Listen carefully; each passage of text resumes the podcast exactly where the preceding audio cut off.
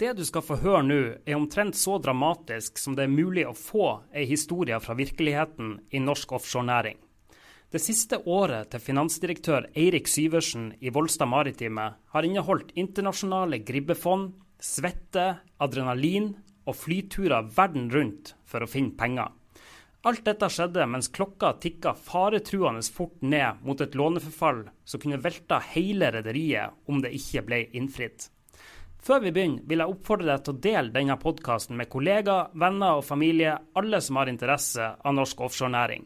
Snart er det 100 000 som har hørt podkasten vår, men vi vil veldig gjerne nå enda flere, så del til du skjemmes. Nok uh, utenomsnakk. Intervjuet du nå skal få høre, fant sted under Sysla Live i Ålesund 20.9. Vi hopper rett inn der jeg, Sysla-journalist Gerhard Flåten, introduserer Syversen fra scenen. God fornøyelse. Adrenalin paranoia og en eh, desperat jakt etter penger. Sånn kan vår neste gjest oppsummere det siste året. For mens eh, Havila har eh, kjempa sin kamp for å overleve i full offentlighet, så har Volstad Maritime utkjempa sine slag helt i det skjulte. Iallfall så godt som. Nå skal vi endelig få vite hva det var som egentlig skjedde, og hvor på håret det var at det siste store offshorerederiet som er kontrollert fra Ålesund, rett og slett gikk under. Ta veldig godt imot finansdirektør i Volstad Maritime, Eirik Syversen. Velkommen. Takk, takk. Ta plass. Takk, takk. Dere er ikke på børs.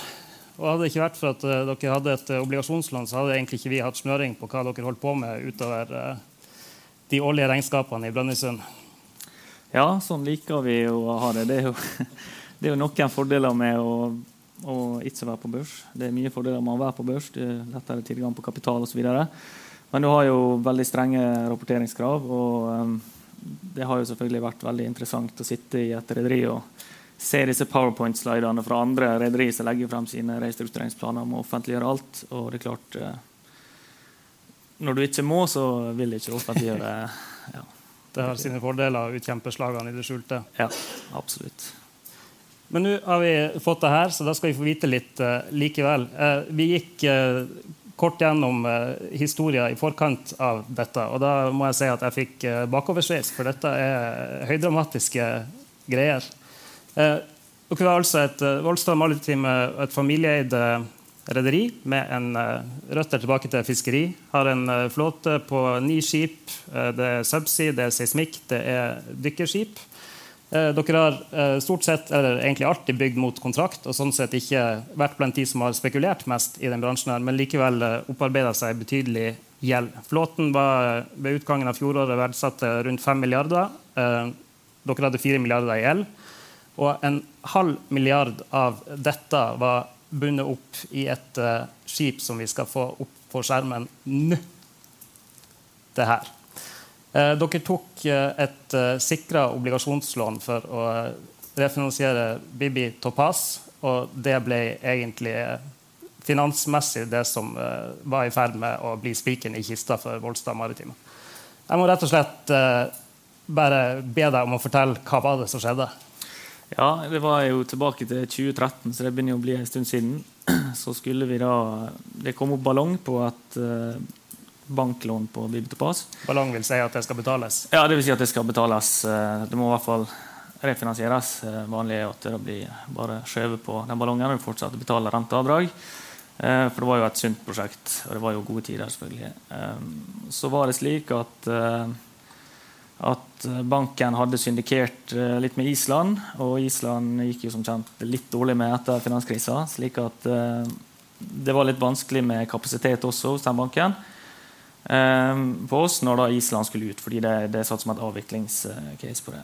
Og da var jo obligasjonsmarkedet vidåpent.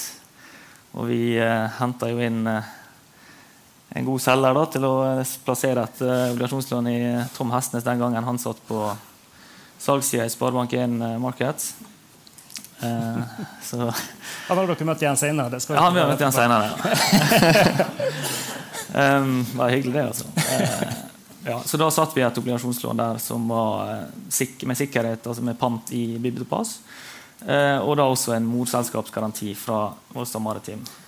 Og det, det, er litt der hun uh, ligger begravd. For ja. det vil si at dersom dere misligholder det lånet her, og det går gærent, så er det ikke bare båten som ryker, det er potensielt hele selskapet. Ja, det er jo litt komplisert eh, hvordan akkurat det der ville fungert, men det er i hvert fall slik at eh, det, var, det, var, en garanti fra mor, og dermed så var det ikke slik at du, du kunne på en måte bare tenke at du, du dropper skipet og lar, lar obligasjonseiere ta skipet, og så det er greit. Du hadde også en garanti fra, fra mor, slik at eh, det, det satte jo oss uh, i spill. si. Um, ja.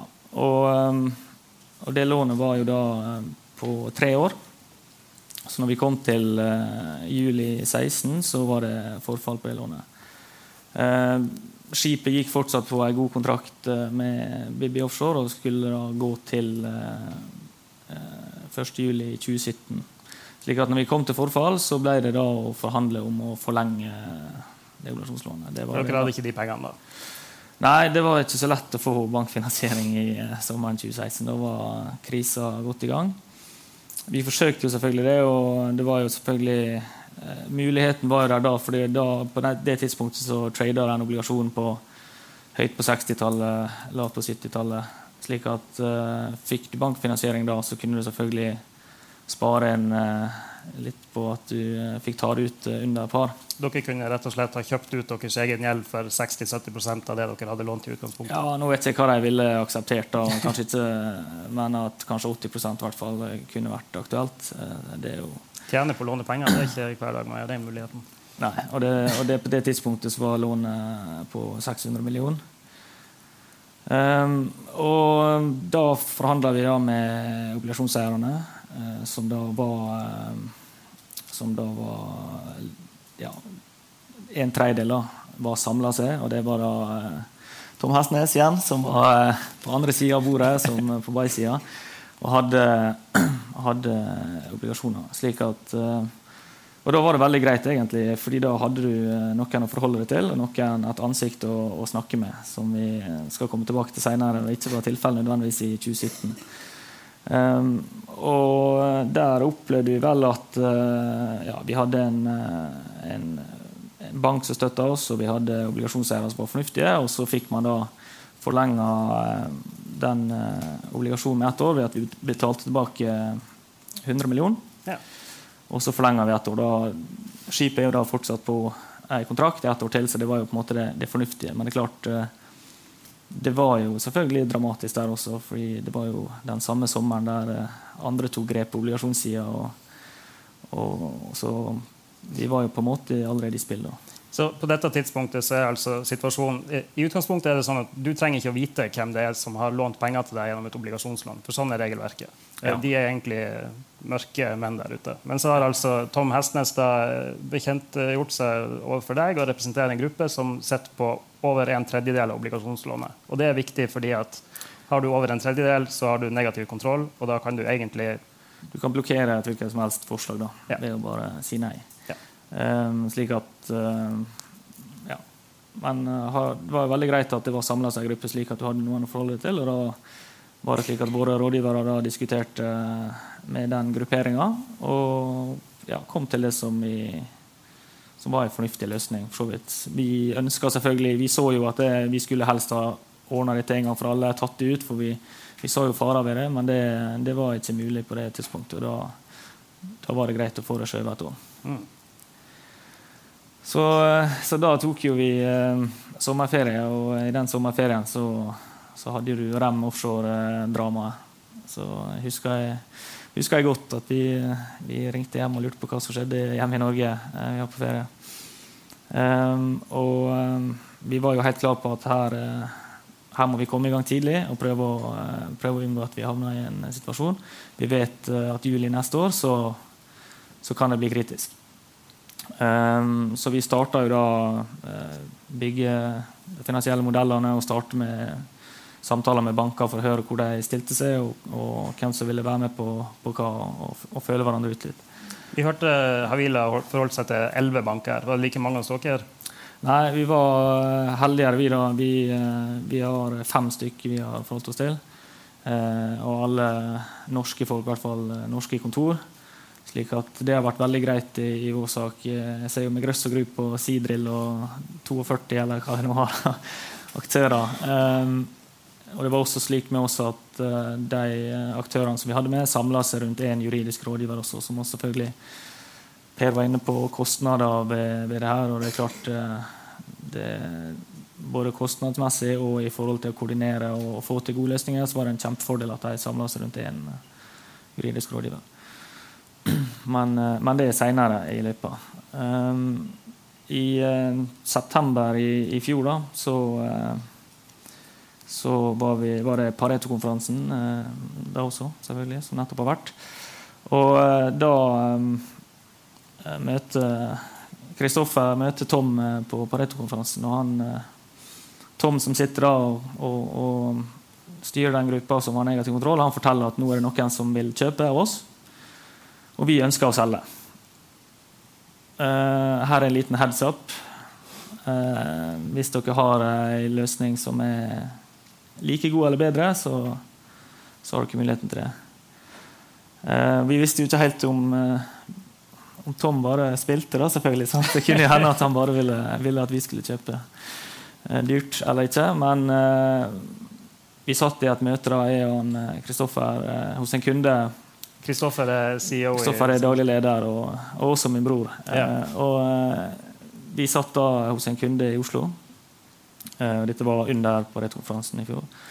Og Da får, får vi en telefon at, eh, fra venner og bekjente som har da fått eh, bud på sine obligasjoner. Og veldig kjapt så ryker, ryker da den en tredjedel, altså det er en post som var stor nok til å være negativ kontroll til noen andre. Dette skjer i løpet av timer? Ja, det, det, gjør nok det. Det er vel slik at uh, Nå har jeg ikke nøyaktig oversikt på hvor kjapt det gikk, men det gikk i hvert fall fortere enn vi klarte å områ oss og gjøre noe som helst. Vi, vi tok jo da noen uh, jeg kaller det desperate telefoner til noen banker. og Nå, er i hvert fall, nå går toget på, på, det her, og nå vet ikke vi hvem som kommer inn. For det var jo ikke klart hvem det var som kjøpte. Så, uh, så den posten gikk. Um, og da var den grupperinga som vi hadde hatt kontakt med, og som vi hadde hatt en konstruktiv dialog med, de var da ute. Og en ny aktør som var ukjent, var inne. Dere vet ikke hvem det er som nå sitter og egentlig har skjebnen deres i Sivulan? Ja, ja. Så da kunne du bare sette på timeren på, på deadline day. Um, 5. juli 2017. 5. Juli 2017. Um, så vi, um, ja, vi hyrte jo på uh, våre rådgivere. Um, det var jo en dialog som allerede var, da var i gang, men fikk det signert opp da mandat og starta jobb med det. Og um, ja, en av våre rådgivere fikk da uh, fant da ut hvem den en tredjedelen var uh, før jul. Og det viste seg å være da et, uh, det jeg kaller et internasjonalt fond. da. Ja, jeg har lest et sted at uh, dette internasjonale fondet har et navn som er Alchemy, som er et uh, ganske kjent uh, britisk-basert, London-basert gribbefond som bl.a. står bak M2 Subsea og sikkert kunne tenkt noen subsea-båter der. Ja, Vi vil ikke kommentere noe om hvem som var inne, men det var i hvert fall en, en internasjonal aktør med, med dype lommer. Og, og um, ja, i hvert fall ingen som tenkte på klinga på Sunnmøre. Det kan jeg i hvert fall si. Eh, så da eh, ja, hadde Kristoffer hadde først et møte med dem. Og, og, jeg var med på møte nummer to, og det, det og det var vi som inviterte oss dit. Jeg, ja, det, det, det, det, jeg lurer på, Hvordan kommer dere i kontakt med dem? I utgangspunktet vet ikke dere hvem som har kjøpt seg opp i lånet. Er, er det noe, tar de kontakt med dere og sier sånn Hei, vi Nei, ikke i det tilfellet her. i hvert fall. Det, det var rådgiverne som, eh, som fant ut uh, hvem det var, og så tok kontakt med dem. Og så uh, ble det da møte. Og det, de møtene ble jo uh, Det ble veldig mye sånn ja, sånn første runde i boksing. En liten sånn jab bortpå, bare føle på hverandre. fordi Det er det flere grunner til. For det første så stoler jo ikke vi på dem i det hele tatt. De vil jo ha informasjon. Hva tenker de? Hvem er bak dette fondet? Er det en industriell aktør som er bak? Vi, vi husker jo historiene fra, fra, sommeren 16, så vi var jo Du nevnte innledningen av paranoiaen. Da kom jo den uh, for fullt. sant? Og, Og gutta der brukte jo alle triksa i boka, fikk oss til å vente ekstra lenge før møtet begynte. Og, eh, det, var, det var litt sånn. Og, eh, men det var jo hyggelige, hyggelige, folk, for all del. Men eh, de ville ikke si så mye om hva de hadde tenkt. De ville bare vite selvfølgelig hva vi hadde tenkt. Og eh, Det var litt vanskelig, og, og, de ville heller ikke på det tidspunktet krysse over og få da konfidensiell informasjon heller, så vi hadde jo egentlig ikke så mye å snakke om. Altså bli innsidere i prosessen? Ja, for da, da mista de muligheten til å, å, kjøpe og selge. Så det ville jo ikke de på, på, det tidspunktet, eh, for de ville ha muligheten til å, å kunne gjøre ting. Slik at det blir jo litt ja, tom, tom prat, og de bare prøver å fiske i et sånt møte. Hvordan forholder dere dere til det? Altså, det må jo være frustrerende å gå ut av et sånt møte og tenke hva, hva skjer egentlig her? Ja, du, eh, du, håper jo, du har jo et håp om at det, eh, kanskje dette her er noen som har troa på segmentet og vil eh, og kan være med oss på noe spennende. Uh, ja, eller Hva sa magefølelsen da du gikk ut? Nei, den, Nei, den, den sa egentlig veldig lite. fordi det, det, er profesjonelle folk, så de gir lite signal, egentlig. Så det var ganske nøytralt, egentlig. Mm. Um, ja, så um, Så hadde vi da um, ja, Vi fortsatte prosessen og, og, ble jo egentlig bare klart at uh, det, det, var jo egentlig en tanke vi hadde jobba med fra sommeren 16, at nå gikk nok sjansen vår til å få tatt ut det båndlånet under par. Den, den, er nok godt når vi nå har, uh, har skjøvet det et år. Så det var vår hypotese hele tida, at uh, det her er et, uh, sikra lån. Så det er på mange måter akkurat det samme som et uh, banklån. og vi må nok belage oss på det. Det var det vi jobba ut fra. Og det ble i hvert fall tindrende klart da når disse her kom inn. Så i klartekst er det altså, Dere skjønner da at her er det ikke rom for å gå i noen forhandlinger med, med obligasjonseierne. Det vi må gjøre, er rett og slett å skaffe penger for å betale ned det lånet. her ja, det var det vi eh, tenkte. Og det er en halv milliard? Ja. Det var 500 millioner. Så det er eh, selvfølgelig et stort beløp. Men eh, vi hadde jo eh, ja, fortsatt eh, en kontrakt på det skipet. Og var i forhandlinger om å forlenge kontrakten. Og vi hadde også en portefølje med, med god tonnasje, moderne tonnasje, som også hadde backlog, slik at vi var jo eh, cashflow positive og er jo det fortsatt. Og, og, vi visste jo at her var verdier. Vi hadde en del uh, cash på bok også. Og, uh, så vi så mange muligheter til dette her kunne løses på. Det var mange veier man kunne gå for å få, få det til. Så vi var jo uh, positive til at vi skulle få til noe. og var opptatt av å komme i gang fort for å ikke komme helt ned til the wire. Men det, det, det ble jo slik. Um, så da hadde vi um, Vi hadde et um, felles bankmøte i januar 2017 der vi eh, la fram det som vi mente var en god løsning.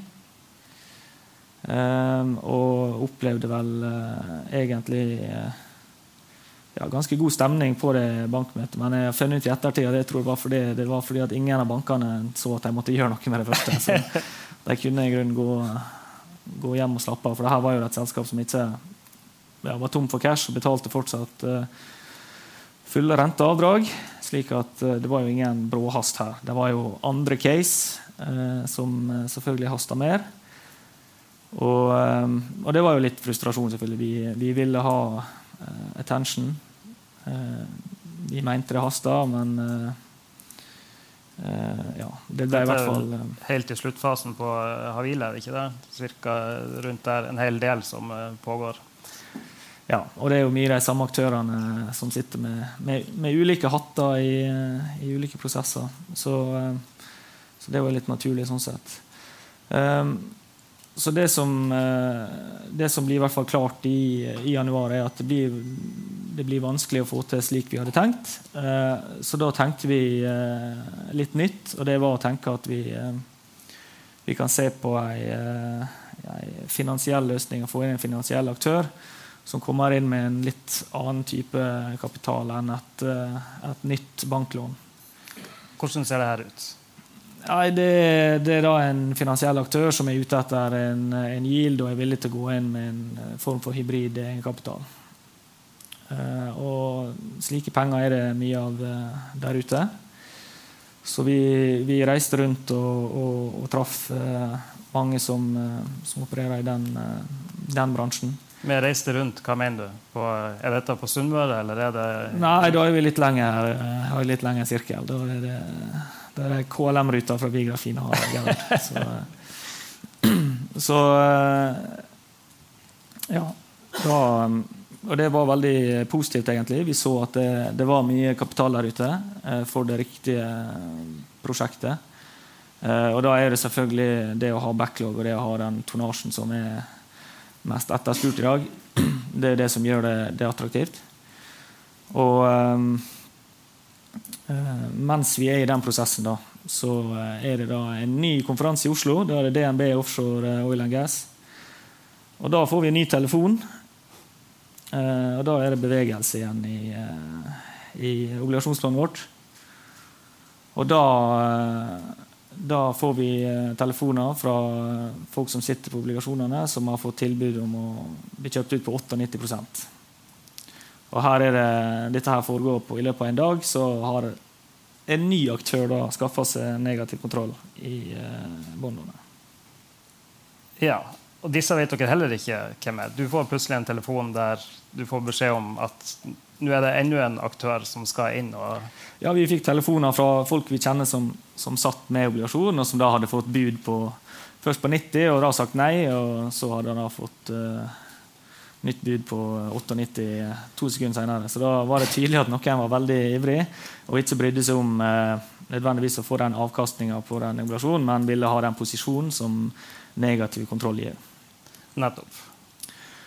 Og uh, For å gjøre dramaet komplett da, så uh, heiv det internasjonale fondet som uh, jeg om tidligere, som allerede satt på negativ kontroll, de heiv seg da rundt og kjøpte seg opp videre, slik at de kontrollerte over 50% og Det kunne jeg da fortelle senere at det var fordi de likte ikke at noen gikk inn i, i sin obligasjon, som de kalte det, og, og begynte å skulle posisjonere seg i noe som de, de styrte. Så eh, ja. Så i, i, mars så satt vi der da med Så da satt vi der med to aktører som ville da bestemme skjebnen. Og den ene har dere vært og jabba litt med i eh, et eller annet sted ute i verden. De sitter da på 51% for dersom dette ender med default, så skal de ha kontroll på det. Og den andre vet dere ikke hvem er. Nei, de vet vi ikke hvem er. Så det blir kun spekulasjoner hvem det er. Eh, men vi prøvde jo selvfølgelig å finne ut av det, og det ble jo våre rådgivere da satt på. Uh, uten at det lykkes. Så vi vet per i dag uh, ikke hvem som kjøpte negativ kontroll, og som da fikk igjen pengene sine til slutt. Det er fortsatt uklart. Det vi vet, det er jo at det her må være noen som tenkte at det var et interessant selskap, eller interessant tonnasje, i hvert fall, som de ønska å få tak i. Altså, hvor, hvor, mye koster en eh, negativ kontroll for mellom 90 og 98? Nei, altså det Obligasjonslånet var jo eh, 500 millioner kroner, så da får du ta matematikken, eh, Gerhard. Ja, vi, vi, er et sted mellom 150 og 200 millioner, i hvert fall. Ja, ja. Så det er ganske store beløp. Eh, så det er jo ikke en hvilken som helst aktør som kan gjøre det. Men klart, eh, en, eh, internasjonalt så er jo det et lite beløp, kanskje. Men hvis det var noen i Norge, så er det færre aktører det kan være, selvfølgelig. Men det du, du får meg ikke til å spekulere i Jo, det vil jeg du skal gjøre. Altså, vi så jo at det, det, var jo Aker som kjøpte seg opp i, i Rem, og sånn klarte å albue seg inn i blokkere deres restrukturering og få det sånn som de ville til slutt? Kan det ha vært uh, de? Vi har ingen grunn til å tro at det, eh, det var dem, men det var jo selvfølgelig en av aktørene som vi tenkte på det kunne være. Men, uh, Vet dere at det ikke er de? Vi tror ikke at det er de. Det, det skal ikke de uh, ha på seg. Men vi vet ingenting. Så, så, vi håper jo at det der en dag kommer ut. Det kan jo hende i løpet av dagen at noen andre aktører som skal snakke. Så vi kan jo håpe det. Ehm, så det, eh, ja. Men eh, vår, vår hypotese si, det var jo at vi uansett måtte ta ut båndlån her på par. og det, eh, Avtalen var jo skrevet slik at det, det, har vi mulighet til. Så lenge vi kommer opp med 500 millioner pluss rente i juli 2017 så er det ingenting de aktørene de kan plassere seg der så mye de vil. Så lenge de får igjen pengene sine, så, så har de ingen mulighet til å gjøre noe. Så vi fortsatte jo bare, bare med enda litt mer eh, press. Eh, og, og, egentlig så var det kanskje greit at den aktøren som vi visste hvem var, at de kjøpte seg opp til over 50 det ga jo dem en posisjon at dersom det sitter noe med, med, negativ kontroll og bare blokkerer, så, så har du i hvert fall noen du vet hvem er, på altså over 50, så kan det hindre ja, en del prosesser videre da, dersom det ble default. Så, så, det var egentlig litt, litt trøst at jeg kjøpte enda videre opp, selv om det høres litt rart ut.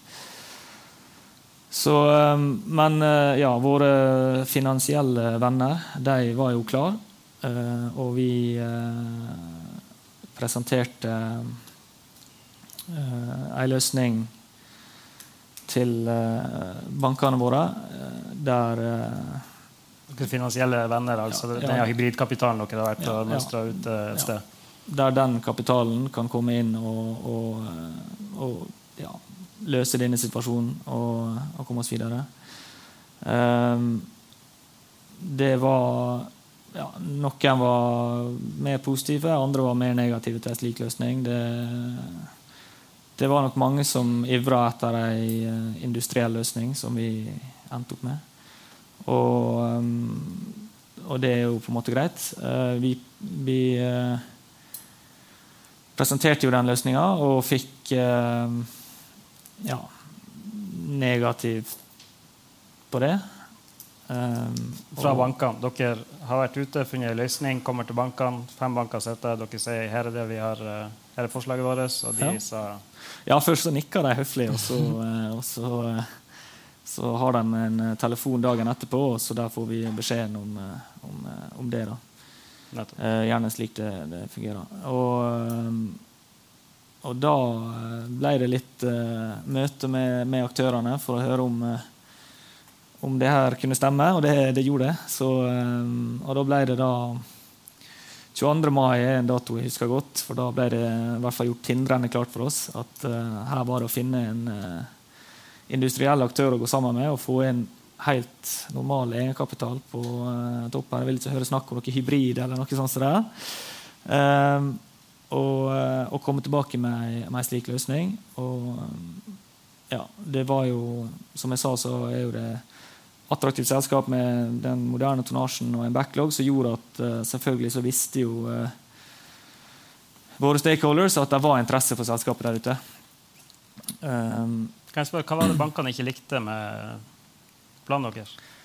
Nei, det er klart uh, I en sånn løsning så vil jo, det, vil jo det være en investor som er ute etter yield og vil ha en form for løpende utbetaling på den investeringa som man gjør. Og du kan jo forstå det i dag at det er en litt uh, aversjon mot at det skal renne penger ut av, uh, av systemet i dag. Uh, så det er jo grunnen.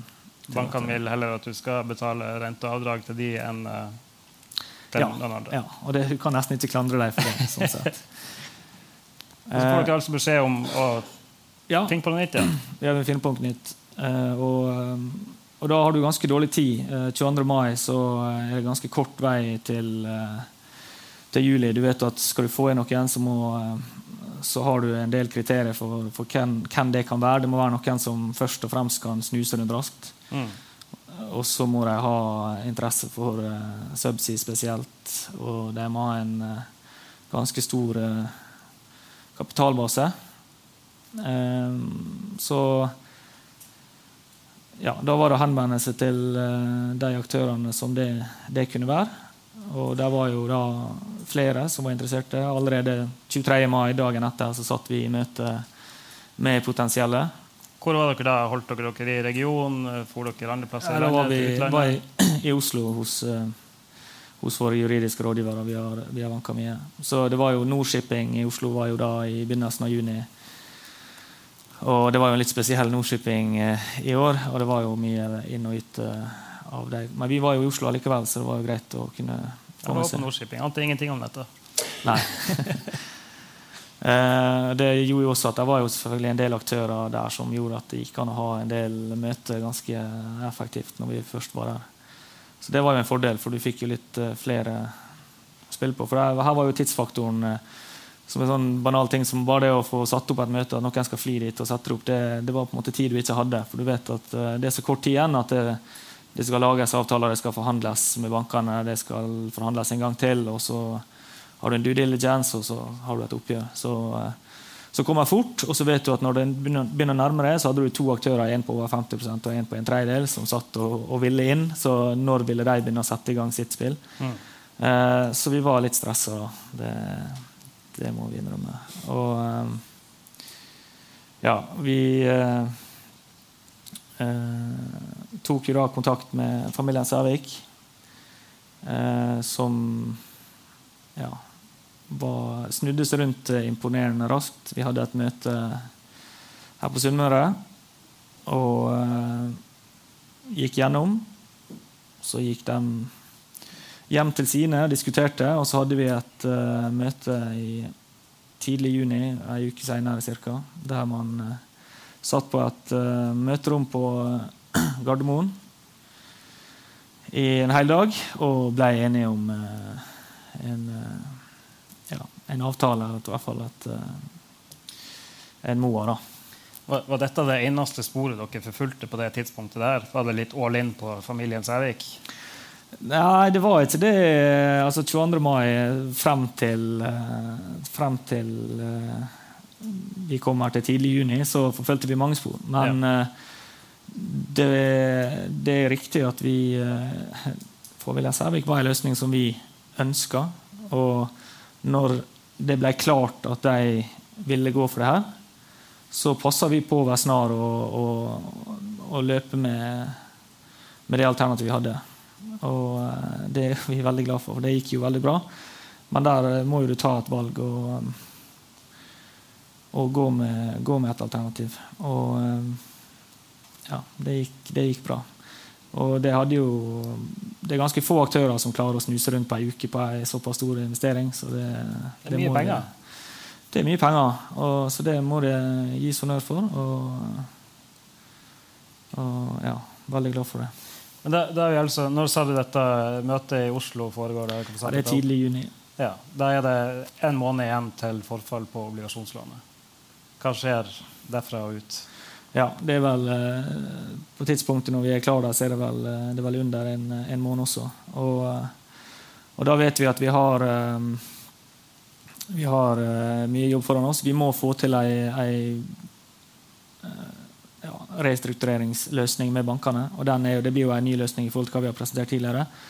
Nå med da en industriell aktør inn, slik som det var da signalisert fra bankene at de ønska. Dette er det jo, og man hadde jo da selvfølgelig sett andre case. Hva, hva beløp har vi snakka om? Så da vi, eh, vi kom da i et felles bankmøte 19.6 i, eh, i Oslo, eh, der vi samla alle aktørene, og kunne da legge frem at vi har vi har en løsning der vi, vi får inn om lag 300 millioner kroner. Så tenkte vi at det her er det bare å vente på Brassekappen og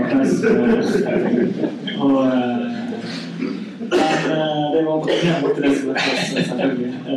Så det var jo kanskje naivitet for oss. Men Hvorfor ikke? Hvordan reaksjon fikk dere? Nei, det er klart, I en sånn situasjon så er det det er jo alle sin jobb å passe på sine egne penger, så det er klart det er en forhandlingssituasjon. Så selv om, selv om det er oppsatt noen vakker litt sånn, sånn under bordet så var jeg veldig skeptisk til valget vi kom med, og at det ikke var helt uh, urettferdig for, for, sin posisjon, selvfølgelig. Uh, men vi trodde jo fortsatt at Og det trodde jo våre rådgivere, som, som, selvfølgelig har vært med i mange av de andre prosessene, som har erfaring med det, trodde jo også at dette skulle gå ganske så greit. Men dagen etter, altså 20. juni, så får vi vite at, at vi får da nei da, fra en, en av aktørene. Og, eller banker. Ja, og vi er da ja, da er vi litt, da er vi litt sjakkmatt. Det, det, er 20. juni dagsplass. Det er 14 dager igjen til dette forfallet. Dere fått på plass ei industriell løsning. Og så sier en av bankene nei. Ja. Og Hva, hvordan, eh, hvordan var det inni Erik Eirik Syversen da? Nei, da begynte jo konspirasjonsteoriene å komme. vet du. Da var det selvfølgelig Her er det noen som For Hvis ikke du ville ha den løsninga her, der det kommer inn eh, så mye kapital, da må jo det bety at eh, For det var jo en alvorlig situasjon, selvfølgelig. Sant? For, for alle aktørene involvert så var jo alle tjent med at vi fant en løsning. Og når vi da kommer med den løsninga de har pekt på, og vi fikk inn et uh, stort beløp, og det allikevel blir nei, så tenker du at det ok, men, men hva er da planen? Da må, en, uh, da må du ha en plan B som vi ikke vet om. Det kan jo hende du har snakka med de som har en tredjedel uh, og har blitt lovt noe annet. Det er i hvert fall det du, du tenker. Si, si litt om hvilke scenarioer dere gikk gjennom. Du sier at dere ble litt eh, konspiratoriske. Dette er ett, at eh, banken har en, eh, en avtale med de som sitter i, med negativ kontroll i obligasjonslånet. Hva, hva annen forklaring kunne du klare å hoste opp? Nei, vi, vi, jeg tror ikke vi skal gå langt inn i alle konspirasjonene som om vi hadde det. Det får vi ta, det får vi ta over en, en kaffe, kanskje. Eh, Det aller verste. Men eh, det som i hvert fall skjedde da i den neste uka, det er at eh, vi får egentlig beskjed om å, om å roe oss helt ned. Og som om at det var så lett.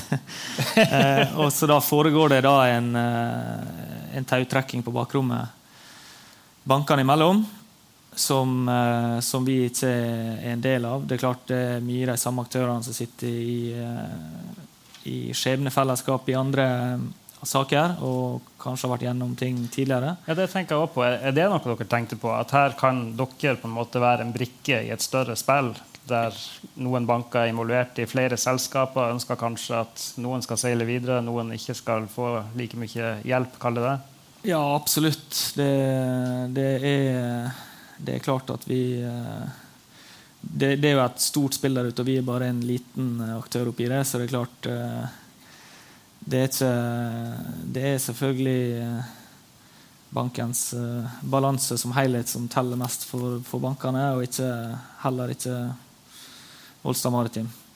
Så det er klart at du tenkte de tankene, men nå nå føler ikke vi oss utsatt for noe som helst komplott. Vi er veldig glad for alle, alle sammen har vært med å bidra. slik at uh, det, det, ble med konspirasjonstankene denne gangen. Men på det tidspunktet her så er dette egentlig utenfor deres kontroll. Dere har hvis jeg forstår rett, dere har på en måte levert forslaget deres, fått nei fra en av bankene, og så må de rett og slett bare bli enige? Ja, det, det, det, var det som uh, Men samtidig så holdt jo vi alle, alle, muligheter åpne, selvfølgelig. Vi holdt jo dialoger med, med alle aktører, også den her uh, obligasjonseierne som hadde over 50% Vi måtte jo hele tida holde alle muligheter åpne hvis dette her skulle rakne. Hva sa de på det tidspunktet? her? Nei, De ville bare ha mer informasjon. Så eh, det var det var hvis jeg bare fikk litt mer informasjon, så, så, skulle de komme. Okay, hva, det, hva, vil de vite? Nei, De vil jo vite Det er noe cashflow da, og se prognoser fremover og vite interne anliggender som ikke er offentlig informasjon. selvfølgelig. De vil vite mest mulig for å kunne posisjonere seg og vite selvfølgelig Hvis de får vite alle, alle bankene sine posisjoner også, sant, så vil de kunne komme inn og, og Snakke med de? Ja, snakke med de og også ja, De kan jo også presse dem hvis de vet hvordan de ulike sitter. slik at De vil jo selvfølgelig, de lever av informasjon, og hvis de kan få mest mulig, så er det positivt for dem. Klarte de å lokke deg utpå? Nei, vi var, ganske, vi var ganske restriktive. Vi skjønte det hadde gått så langt at og deres forhandlingsposisjon den ble bare sterkere for hver dag som gikk. og De hadde ikke tenkt å sitte der ei uke før og gjøre noe som helst. De ville da la dette gå helt ut, og så, og så ville de være i en kjempeposisjon. selvfølgelig. Så, eh, men nå gikk jo det her bra, da. De ble jo enige eh, på, eh, på bakrommet. Ja. Eh, men eh, det var da 4. juli, når vi kommet etter da, så eh, har vi fått beskjed om at det skal være et bankmøte klokka ni på morgenen. Den 4. juli? ja. Og det blir Dette er dagen før forfall på ja. obligasjonslånet? Og det blir skjøvet litt på, og det blir arrangert nye møter, og det blir litt endringer i det som er det restruktureringsforslaget i den totale pakken. Og det er klart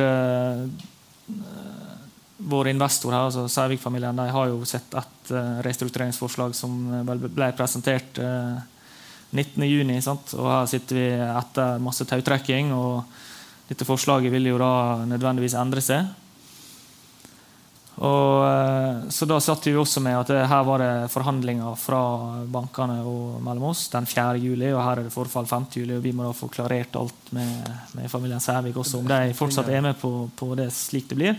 Så vi var uh, veldig stressa. Og uh, klokka 20.45 er det vel jeg har notert meg, så, så får vi uh, vite av bankenes rådgiver at de er omforent om en løsning. Her er en powerpoint-slide med punkter, slik det er enighet om. og sånn blir det. og da var det rom for flere forhandlinger. så da var jo det for oss da å få uh, over det siste forslaget til uh, familien Sævik. Uh, og der var jo det Det var jo midt i ferien, det her, og folk på reise og sånn. og Det var det å få tak i folk i, i forskjellige tidssoner og slike ting. Og, og ja, så klokka 23.40 den 4. juli så får jeg to, to børsmeldinger. Vi var jo da selvfølgelig Obligasjonen vår jo, var jo notert, slik at vi måtte jo da rapportere. selvfølgelig, og Klokka ni den 5. juli da måtte vi ut med en melding. Positiv eller negativ. Så du sitter med to versjoner, rett og slett? Ja. 23.40 så får vi to versjoner. En av disse her må sendes ut. Det, det er dere pliktige til å gjøre. Den ene var positiv, vi har en løsning. Den andre var ikke positiv. Kan vi få lese de andre? det kan du få gjøre. Men det høres jo eh, ut som en helt absurd situasjon. egentlig. Nå er det noen timer til du må annonsere, og du vet fortsatt ikke hva som er utfallet her. Ja, vi, vi hadde jo en god, uh, god følelse. Sant? Men uh, det var jo selvfølgelig et forslag som hadde, hadde, en del endringer ved seg som vi trengte å få aksept med med den om. Slik at eh, kvart på ni så fikk vi i hvert fall eh, bekreftelse på at uh, det var greit. Så da satt vi innlogga inne på systemet for å sende ut børsmeldinger. og fikk bekreftelsen kvart på ni på morgenen den femte om at vi kunne sende ut positiv melding, men uten at, vi, uten, at vi, kunne melde hvem det var snakk om. Ja, For der sto det egentlig ingenting annet enn at dere hadde ordna dere? Ja. Uh, og Der fantes da en uh, interkreditoravtale bankene og, uh, og obligasjonseierne imellom som gjorde at selv om forfall var 5. juli, så hadde vi 20 dager på å gjøre opp før noen kunne effektuere. Altså. Nettopp. Så selv om det var over, så var det ikke over? Nei.